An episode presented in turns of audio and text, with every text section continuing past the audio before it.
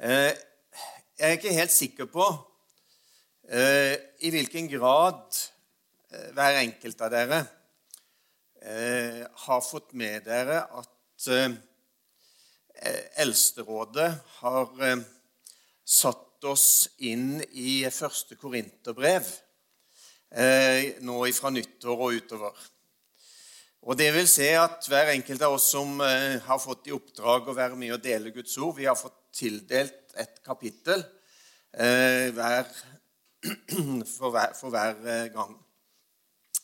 Eh, og i formiddag eh, så eh, er vi kommet til kapittel fem. Det er jo sånn at Når en går inn i et brev eller i en bok i Bibelen, Eh, så tenker jeg ofte at det, er fint å sette litt rammene rundt. og Noen av de som har preka her eh, før meg etter nyttår, har gjort det. Og prøvd å lage liksom en innramming av selve konteksten som dette brevet er skrevet i. Eh, for mange av oss når vi leser Bibelen, så har vi kanskje litt lett for at vi, vi plukker ut litt her og litt der av det vi syns er fint og godt, og sånn, og så får vi kanskje ikke helt rammen og sammenhengen. Første Korinterbrev er på mange måter et et lærebrev der Paulus han går inn og, og, tar utgangspunkt i å besvare en god del utfordrende eh, og vanskelige både spørsmål og situasjoner. Og I det kapitlet vi skal snakke om i formiddag, eh, så handler det om hor. Så det blir nok en velsigna formiddag. Men altså, Paulus han går eh, veldig tydelig og veldig eh, direkte ut. Kapitlet begynner med at han sier rett ut sagt en hører om hor iblant dere. Og det, er form, og det er i en form som ikke engang hedningene tåler. Eh, og så går han ganske hardt og bestemt inn i og forteller eh, hva dette innebærer, og hva som må gjøres med dem som lever i en sånn situasjon. Hvis vi hadde tatt oss tid til det skal jeg ikke gjøre i formiddag, eh, og sett litt på rammene rundt og det liv som utfolda seg i Korint, eh, så ville vi kanskje ikke vært så forundra over eh, situasjonen. Fordi at det var et liv, det var en kultur i Korint som gjorde at Korint var vel så seksualisert som det samfunn vi lever i i dag. Vi tenker ofte at alt var bedre før. Eh, men hvis vi går inn i den situasjonen som var i Korint den gangen, så var det egentlig mye verre enn det som er den situasjonen som vi eh, lever i, som vi syns er, er, mer enn ille nok.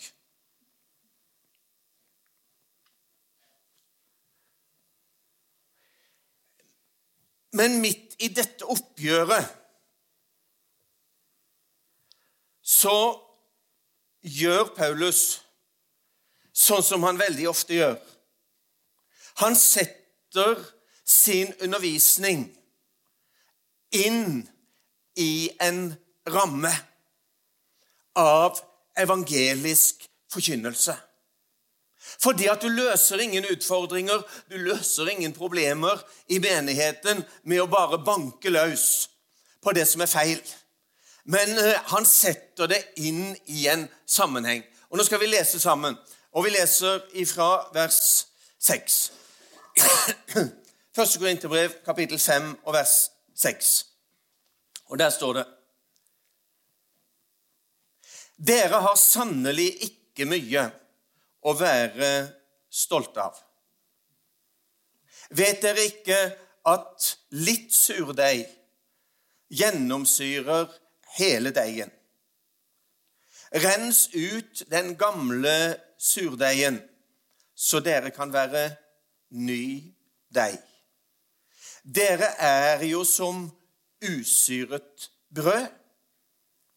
For vårt påskelam er slaktet, Kristus. Så la oss holde høytid ikke med gammel surdeig av ondskap og synd, men med renhets- og sannhets usyrede brød. Herre, vi takker deg for ditt ord. Takk at ditt ord er levende, takk at det er virkekraftig. Og takk at eh, når vi leser ditt ord og forkynner ditt ord, så tror vi at du har noe du ønsker å formidle til oss gjennom ditt ord, som virker din vilje i oss. Vi ber om at det må skje òg i formiddag, og vi ber i Jesu navn. Altså midt i denne situasjonen, som egentlig er tragisk, så sier Paulus La oss holde høytid. Ja, men er det noen grunn til å feire noe inn i en sånn situasjon? Er det noe her eh, som gir oss grunnlag til å holde høytid og feire noe? Ja, sier Paulus, det fins et grunnlag for å feire. Og grunnlaget for å feire, det er at påskelammet er slaktet. Og uansett omstendigheter og uansett situasjon og uansett utilbørligheter og hva det enn måtte være, det er noe som er større. Det er noe som er viktigere. Og så bruker han altså denne referansen tilbake til påskelammet og det som kalles for de usyrede brøds høytid. Og det var sånn at når det usyrede brøds høytid skulle feires, så var det om å gjøre å få huset rent. Alt som var av smuler eller dråper eller hva det måtte være, av usyra brød, det skulle ut av hus. Derfor så ble alle hjem før denne høytida ble feira, det ble virkelig rengjort. De ble rengjort 100 eh, og det som var viktig, det var å få ut all surdeigen. Hvorfor det? Jo, fordi det er sant som Guds ord sier, og som jeg refererte her, en liten surdeig. En liten surdeig den gjennomsyrer og kan gjennomsyre. Altså, Det handler jo om surdeigens kraft. Så vi kunne godt ha snakka om surdeigen eh, som det positivt. Eh, et positivt utgangspunkt eh, for en liten surdeig som gjennomsyrer alt med sin kraft. Og får det til å bli noe nytt og noe mye større og noe fruktbringende og livgivende. Men i denne sammenhengen så brukes surdeigsbegrepet som noe negativt i forhold til at hvis lite grann av det som ikke burde være der, kommer inn, så kan det gjennomsyre hele deigen. Og Derfor er det at Paulus her sier til korinterne Rens det ut! Få det vekk! Få det ut av hus!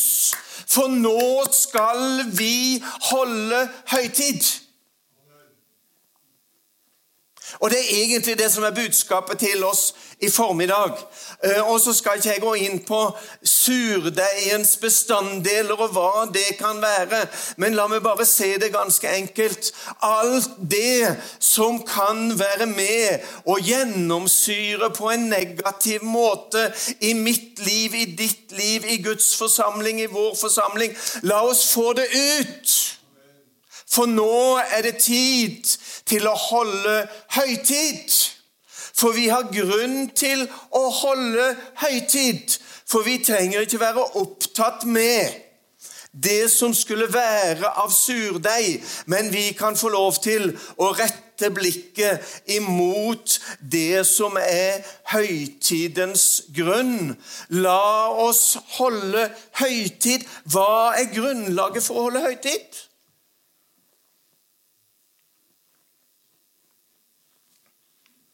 Vårt påskelam er slaktet.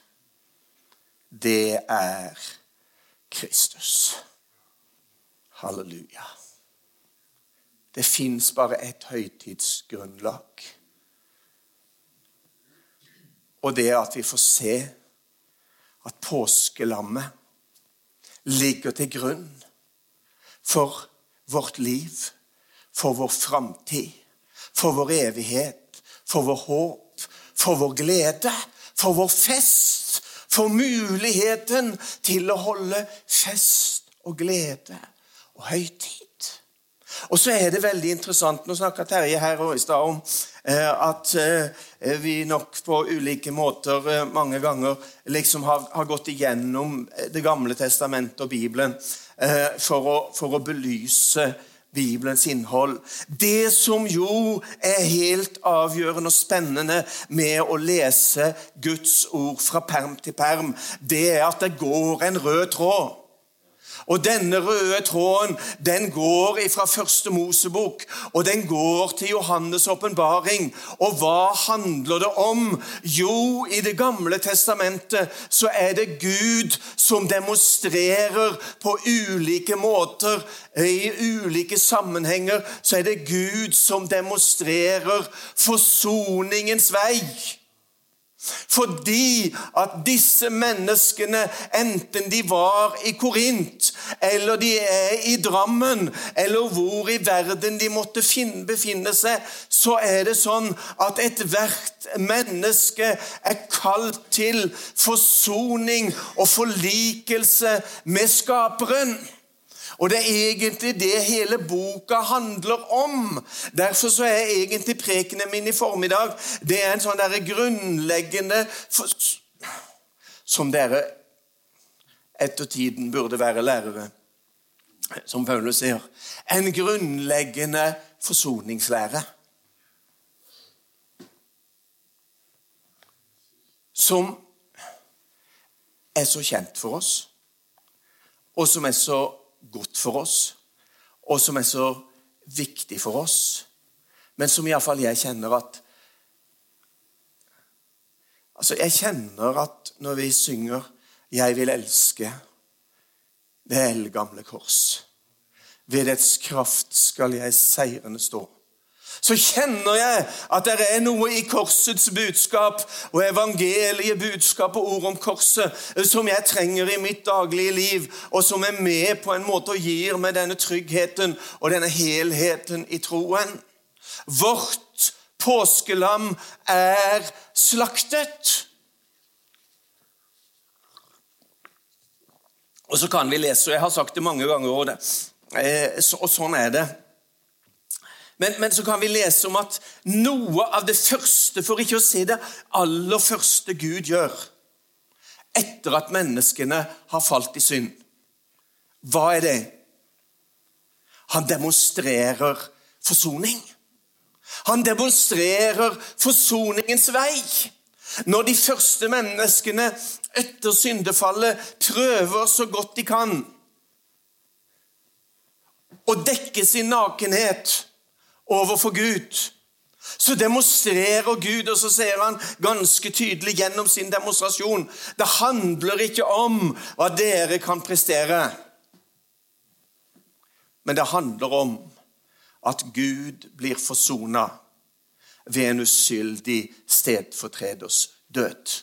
Derfor er lammet påskelammet, lammet, gjennomgangsmelodien fra første Mosebok til Johannes' åpenbaring. Det begynner med at Gud demonstrerer forsoning med å lage en kledning av skinn til Adam og hans hustru. Det fortsetter med at Gud Og der kommer vi inn i en dramatisk situasjon, og det er mange dramatiske situasjoner i dette. At Gud, eh, når det at disse brødrene av de første mennesker bringer sine offer fram for Gud, så står det at Herren så med velvilje til Abel og hans offer. Hvorfor gjorde Gud det? Hvorfor så Gud med mer velvilje til Abel og hans offer enn til Kain og hans offer. Fordi at Gud ville vise hvor hans velbehag utløses. For Kain bringer fram et offer av det han hadde produsert. Men Abel bringer fram et lyteløst lam. Og så sier Gud, 'Min velbehag hviler over lammet'. Mitt velbehag hviler over det utgytte blod til soning og forløsning, til frifinnelse. La oss holde høytid. Vårt påskelam er slaktet Kristus. Det er så mange demonstrasjoner som Gud gjør i forhold til dette her gjennom historien.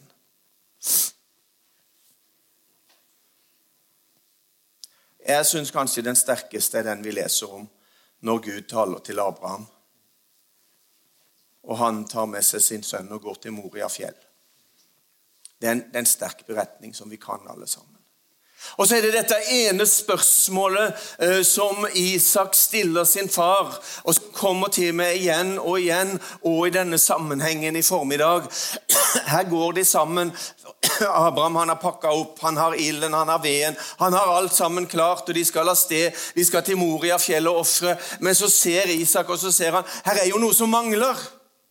Og så stiller han faren sin spørsmålet. 'Far, her er ild, her er ved, men hvor er lammet?' Altså, Det blir ingen forsoning uten lammet. Det hjelper ikke med noe offer uten lammet.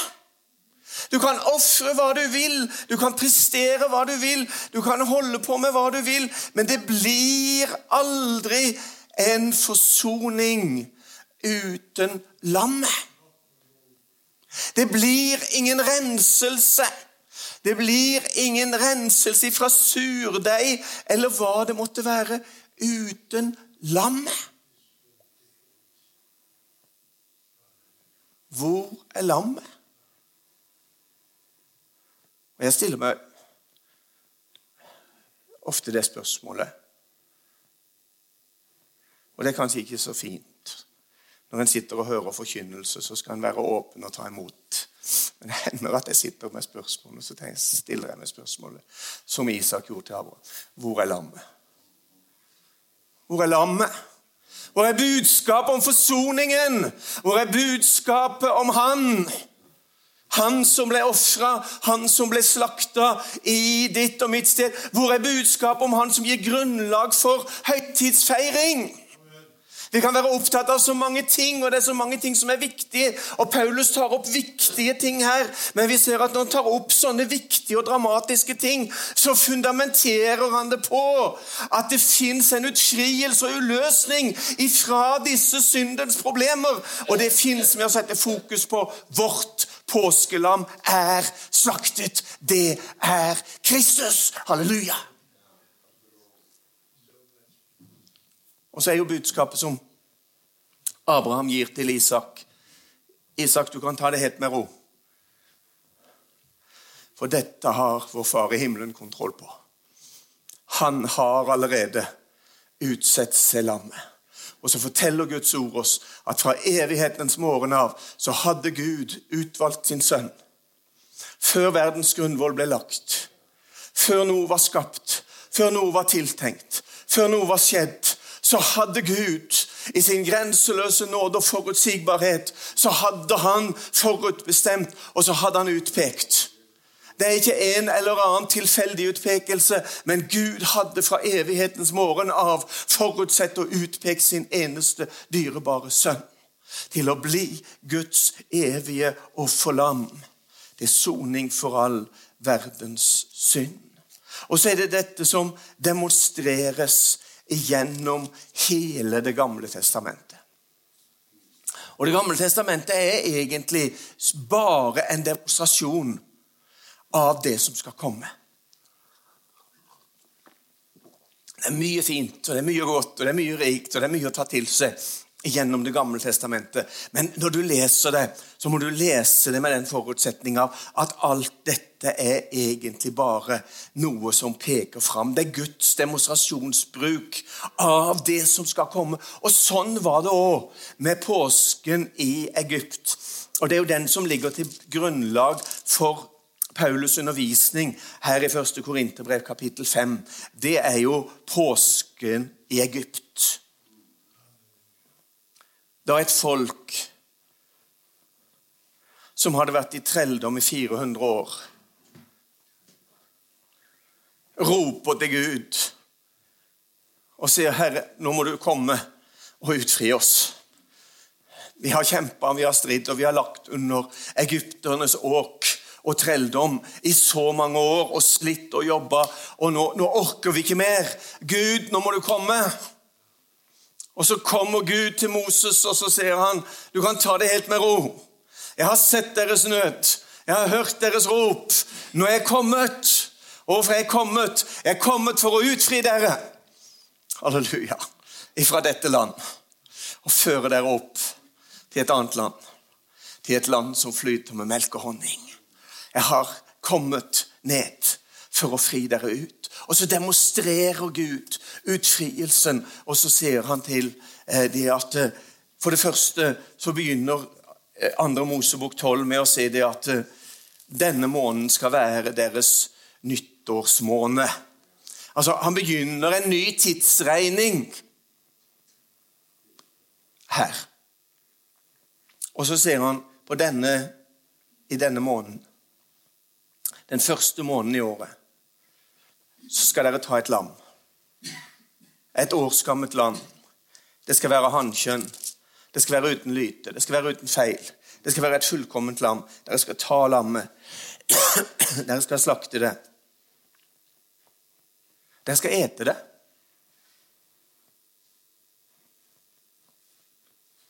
Dere skal slakte det, og dere skal ete det.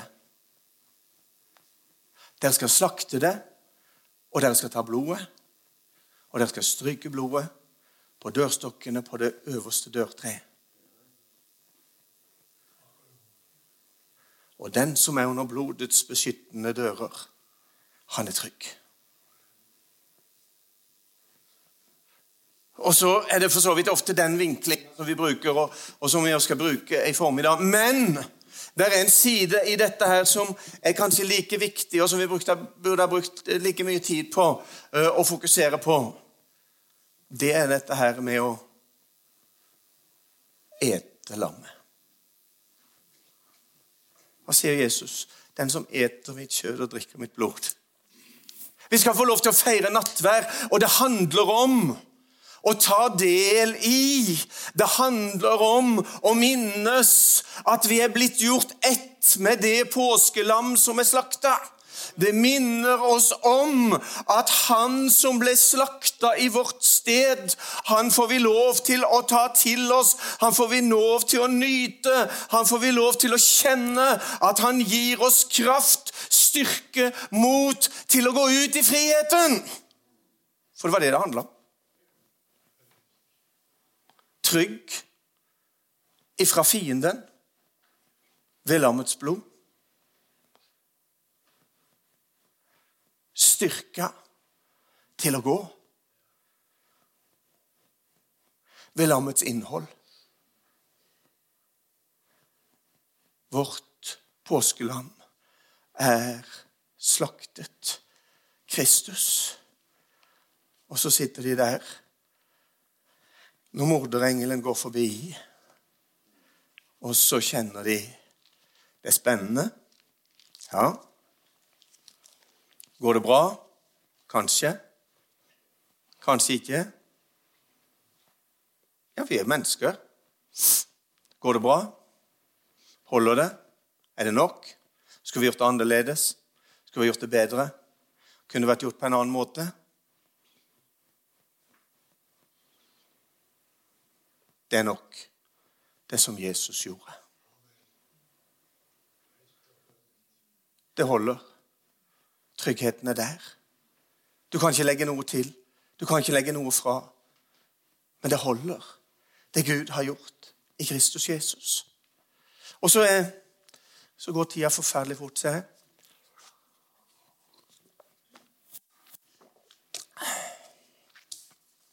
Men så er dette som jeg har sagt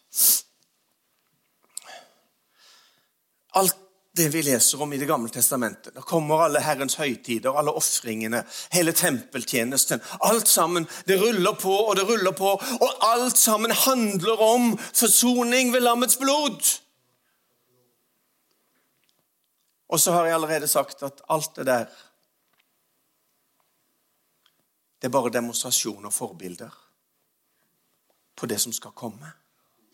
Og så sier Paulus, og nå må jeg hoppe til Romerbrevets tredje kapittel Så sier Paulus i Romerbrevet tredje kapittel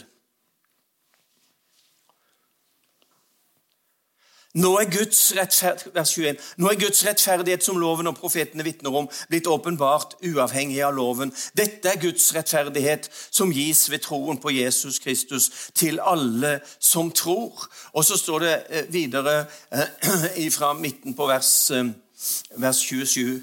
For han hadde slik viste Gud sin rettferdighet, for han hadde tidligere i tålmodighet holdt tilbake straffen for de synder som var begått. Men i vår tid ville han vise sin rettferdighet, både at han selv er rettferdig, og at han kjenner den rettferdig som tror på Jesus Kristus. Hva er det Paulus skriver om egentlig her? Jo, han sier det at Gud han var i tålmodighet sånn at han holdt igjen straffen. Hva var straffen? Gud hadde sagt til Adam og Eva i Edens hage spiser dere av det treet, så skal dere dø. Men de døde ikke. De ble utestengt av haven, og de ble stengt veien til livsens tre. Men de døde ikke. Men Gud hadde sagt, eter dere av dette treet, så skal dere dø. Men i sin langmodighet og i sin godhet og i sin frelsesåpenbaring så venter Gud. Og så bærer han over med alle syndene som har vært gjort, gjennom alle ofringene som blir demonstrert gjennom hele Det gamle testamentet. Men så forteller han Men nå er tiden inne. Nå er tiden kommet til å ta et endelig oppgjør og fullføre. Så at Guds rettferdighet den frigjøres fullkomment. Og så sier Paulus for at han, altså Gud, kunne være rettferdig. Ja, men var ikke Gud rettferdig? Nei, men han hadde ikke fullført det han hadde sagt. Så for at Gud skulle fullføre det han hadde sagt, og at så skulle Gud åpenbare sin rettferdighet. Han måtte være rettferdig for at han skulle kunne gjøre rettferdig. Og Derfor så var det nødvendig at den som synder, skulle dø.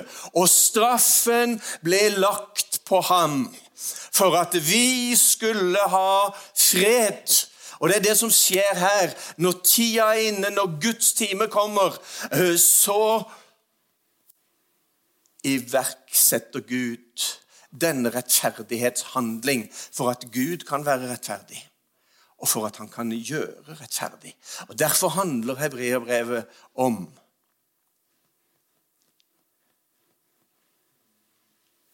da Kristus kom. sier brevets forfatter. Nå må jeg bare ta dette kjapt og etter hukommelse og alt det der, men det kommer ganske mye allikevel.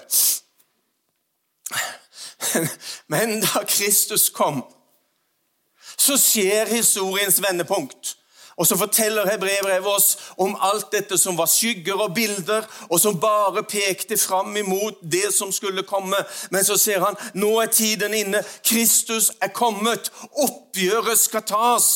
Og så kjenner vi Golgata forsoningsverk, og så ser vi at vårt påskelam, ikke det i Egypt, ikke alle de andre, ikke de tusener som har vært slakta opp gjennom tidene, men vårt påskelam blir slakta. Og med sitt eget blod går han inn, ikke i en helligdom som er gjort med hender, men han går inn i selve himmelen med sitt eget dyrebare blod. Og så åpenbares han for Guds åsyn, for vår skyld. La oss holde høytid Vårt påskelam er slaktet. Det er Kristus. Og så er det ikke lenger sånn at det var stykkevis, delvis osv. Men da sier hebreerbrevet Men nå er Han åpenbart seg en gang for alle ved tidenes ende for å ta bort synden ved sitt offer. Kristus kom og tok et endelig oppgjør med synden. Og Da snakker han om synden i bestemt form, entall. Den som trengte gjennom til alle mennesker, og den som gjorde at alle mennesker var syndere, og den som var grunnlaget for at Gud skulle utøse sin straff og si at den som synder, han skal dø. Straffen lå på han. Han som ikke visste av synd, han blir gjort til synd for oss, for at vi ved ham skal bli rettferdige for Gud. Det endelige oppgjøret med synden.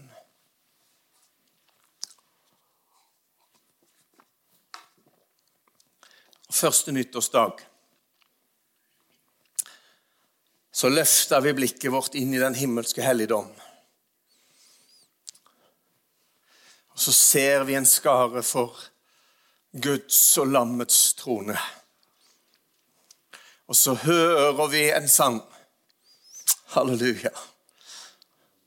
Som aldri har vært sunget før. Men så hører vi den nye sangen synges i den himmelske helligdom. Og hva handler den om? Den handler om lammet som er verdig. Hvorfor er lammet verdig?